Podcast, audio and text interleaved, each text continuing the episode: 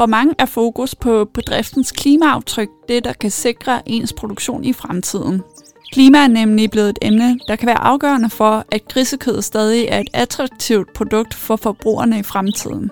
Men hvilke værktøjer kan gøre griseproduktionen mere bæredygtig? Og hvordan tager du dem i brug?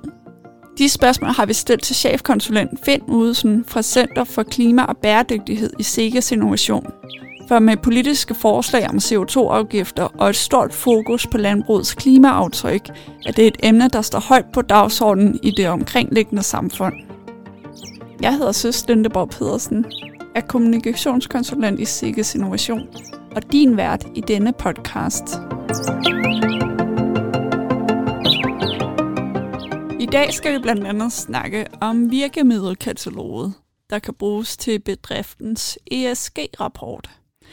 Og det er jo begge værktøjer, der kan synliggøre bedriftens klimaaftryk. I studiet har jeg jo så derfor inviteret Finn Udesen, og Finn, kan du ikke starte med at præsentere dig selv? Jo, øh, som sagt så her jeg Finn Udesen, og øh, jeg har efterhånden arbejdet øh, et stykke tid med øh, især klimaområdet, men også lidt omkring ESG-området. Men øh, det er først og fremmest klimaområdet, som jeg har arbejdet med. Og Finn, kan du ikke lige til at starte med at forklare os, hvad er et virkemiddelkatalog? Et virkemiddelkatalog, det er simpelthen et katalog over de forskellige tekniske og også produktivitetsmæssige øh, ting, vi kan gøre ude i bedriften for at reducere klimabelastningen, eller hvad kan man sige, produktets og bedriftens øh, klimaaftryk. Fordi det lyder så negativt at sige belastning, men vi vil hellere arbejde med udtrykket aftryk. Og virkemiddelkataloget, hvad, hvad kan grisproducenten bruge øh, sådan et til?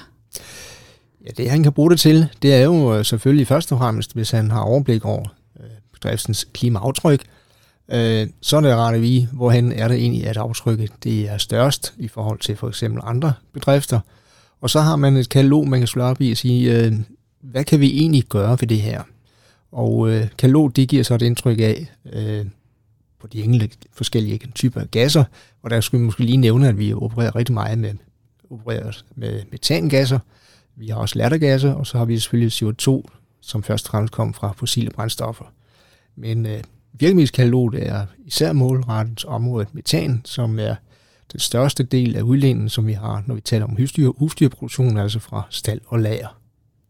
Hvilke økonomiske fordele er der i ved at bruge et virkemiddelkatalog? Det er, det er egentlig lidt svært at svare på, fordi øh, indtil videre så er det jo ikke nogen, som har lovet, at man får mere for sine produkter, selvom man gør noget ekstra ved klimaet. Øh, det man så kan bruge katalog til, det er faktisk, at vi jo har anført sådan et cirka pris på, hvad koster det egentlig at fjerne et ton CO2. Så man kan i hvert fald få et indtryk af, hvad omkostningen er.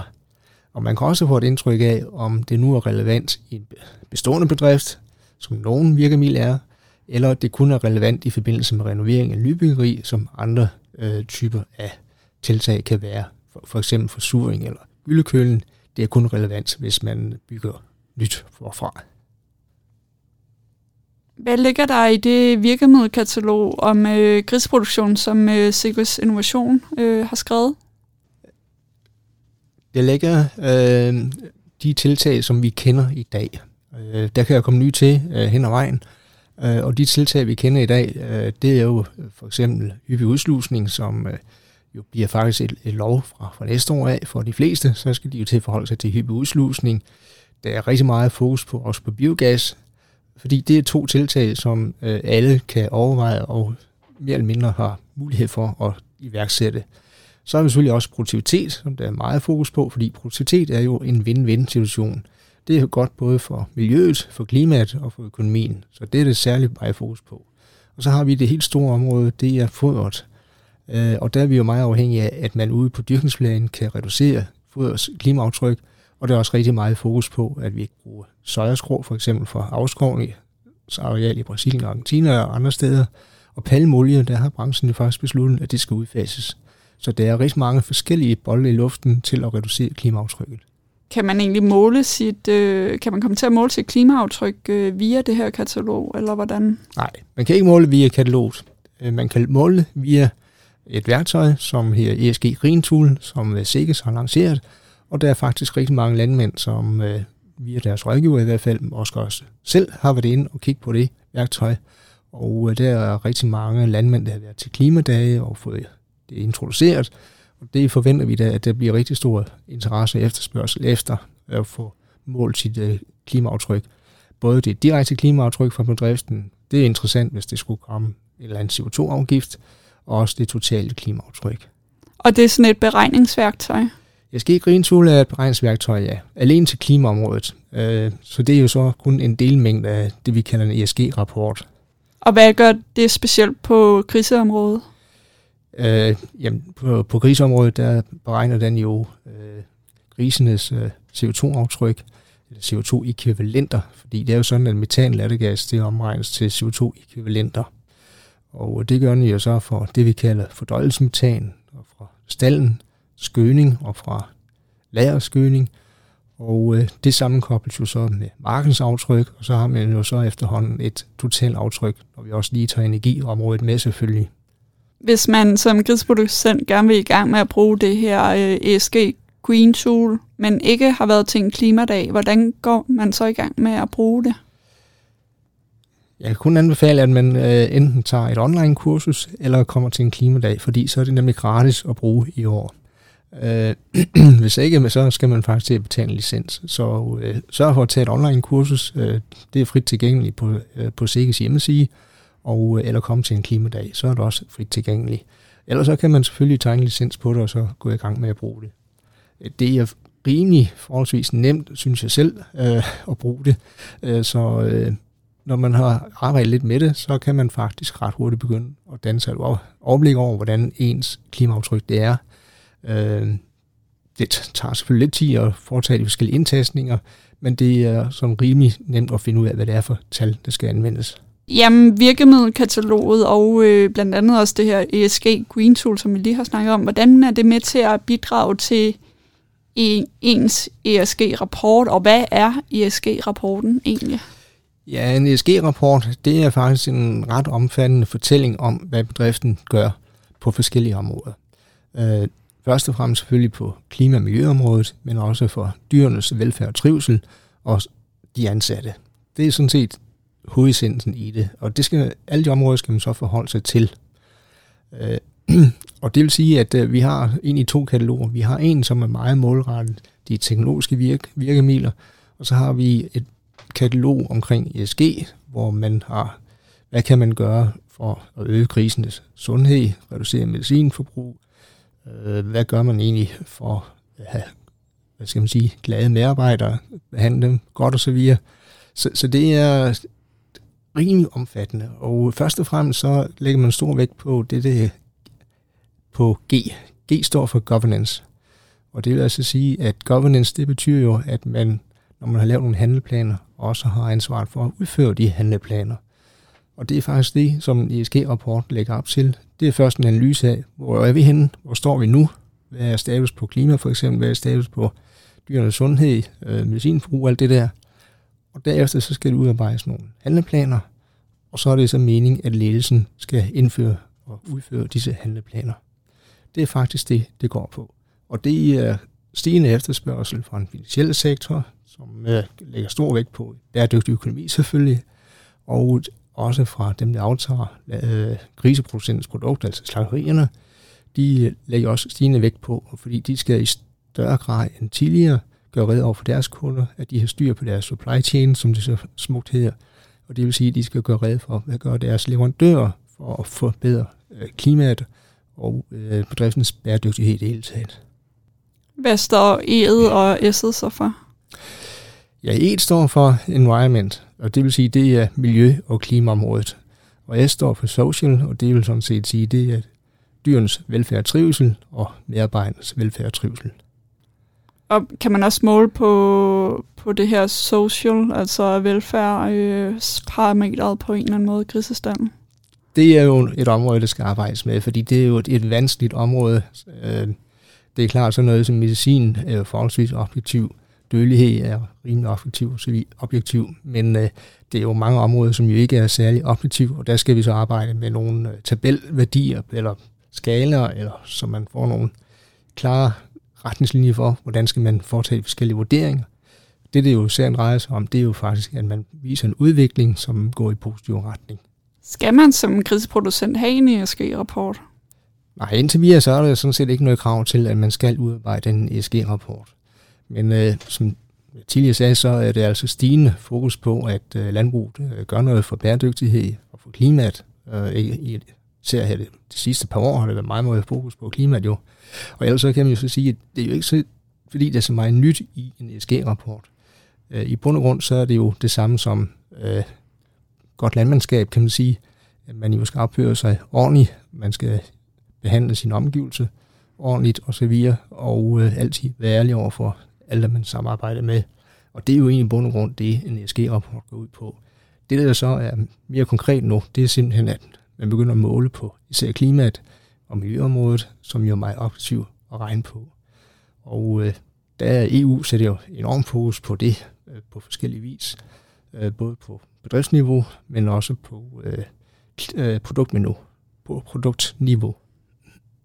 Hvordan kan et, det her virkemiddelkatalog og øh, ESG-rapporten, eller bare hele det her univers, øh, bidrage til en mere bæredygtig udvikling?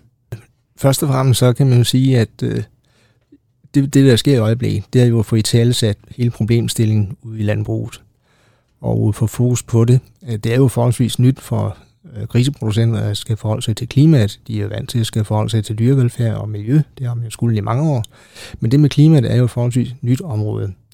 Så øh, man kan sige, at kataloget er jo så med til at påvise de områder, hvor man kan gøre noget.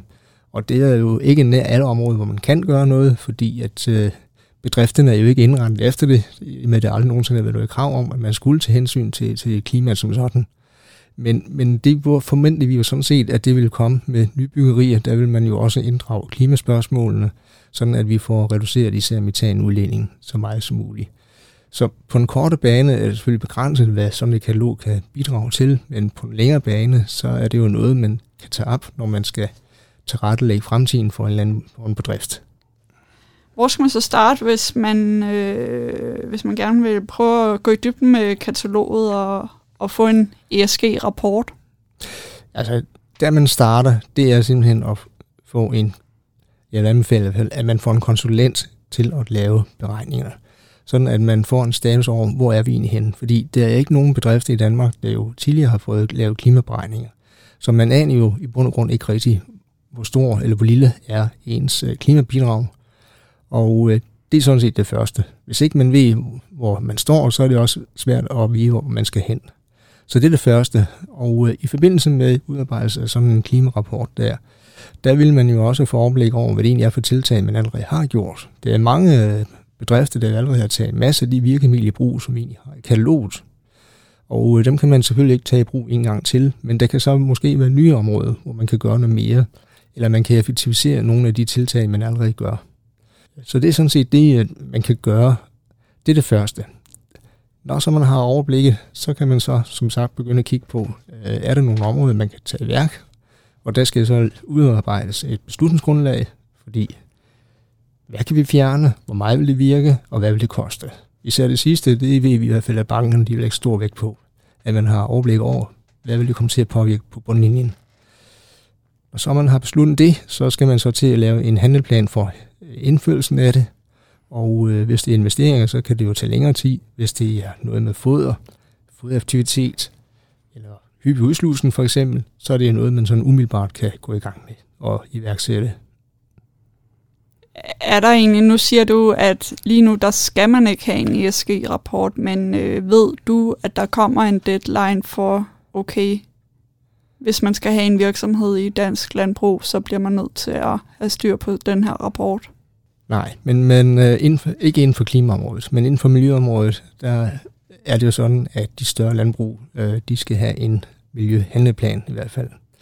Og øh, på sigt så kunne man godt forestille sig, at miljø og klima bliver ligestillet, og det vil sige, at er der krav om miljøhandleplaner, så bliver det også krav om klimahandleplaner.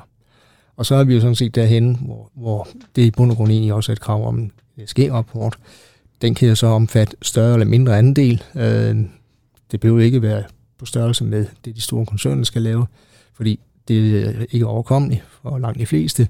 Men jeg kan godt forestille mig, at vi får forskellige udgaver afhængig af virksomhedens størrelse. Og hvorfor er det en god idé at starte nu? Ja, det er en rigtig god idé at starte nu. Øh, fordi at øh, øh, klima det er kommet for at blive, om så må sige. Og øh, regeringen har jo sat nogle øh, klimamål, øh, for eksempel 70% reduktion i 2030. Øh, og øh, det vil altså sige, at øh, man er nødt til at gå i gang nu, for overhovedet at komme nogle vegne inden øh, 2030. Øh, det kommer lige pludselig, om så må sige. Øh, det kommer altid bag på en, hvor hurtigt tiden den går. Og hvis ikke man starter op nu, så kommer vi uhjælpeligt bagud. Og der vil jo komme stigende pres fra politikernes side af, hvis de ser, at det ikke rigtig sker noget. Kan der også komme nogle krav fra eksportmarkederne? Det kan vi helt klart øh, forvente. Øh, nær sagt, vi egentlig også håber det, fordi vi forventer jo sådan set, at øh, på produktniveau, der står vi jo rimelig stærkt i konkurrencen med, med andre lande.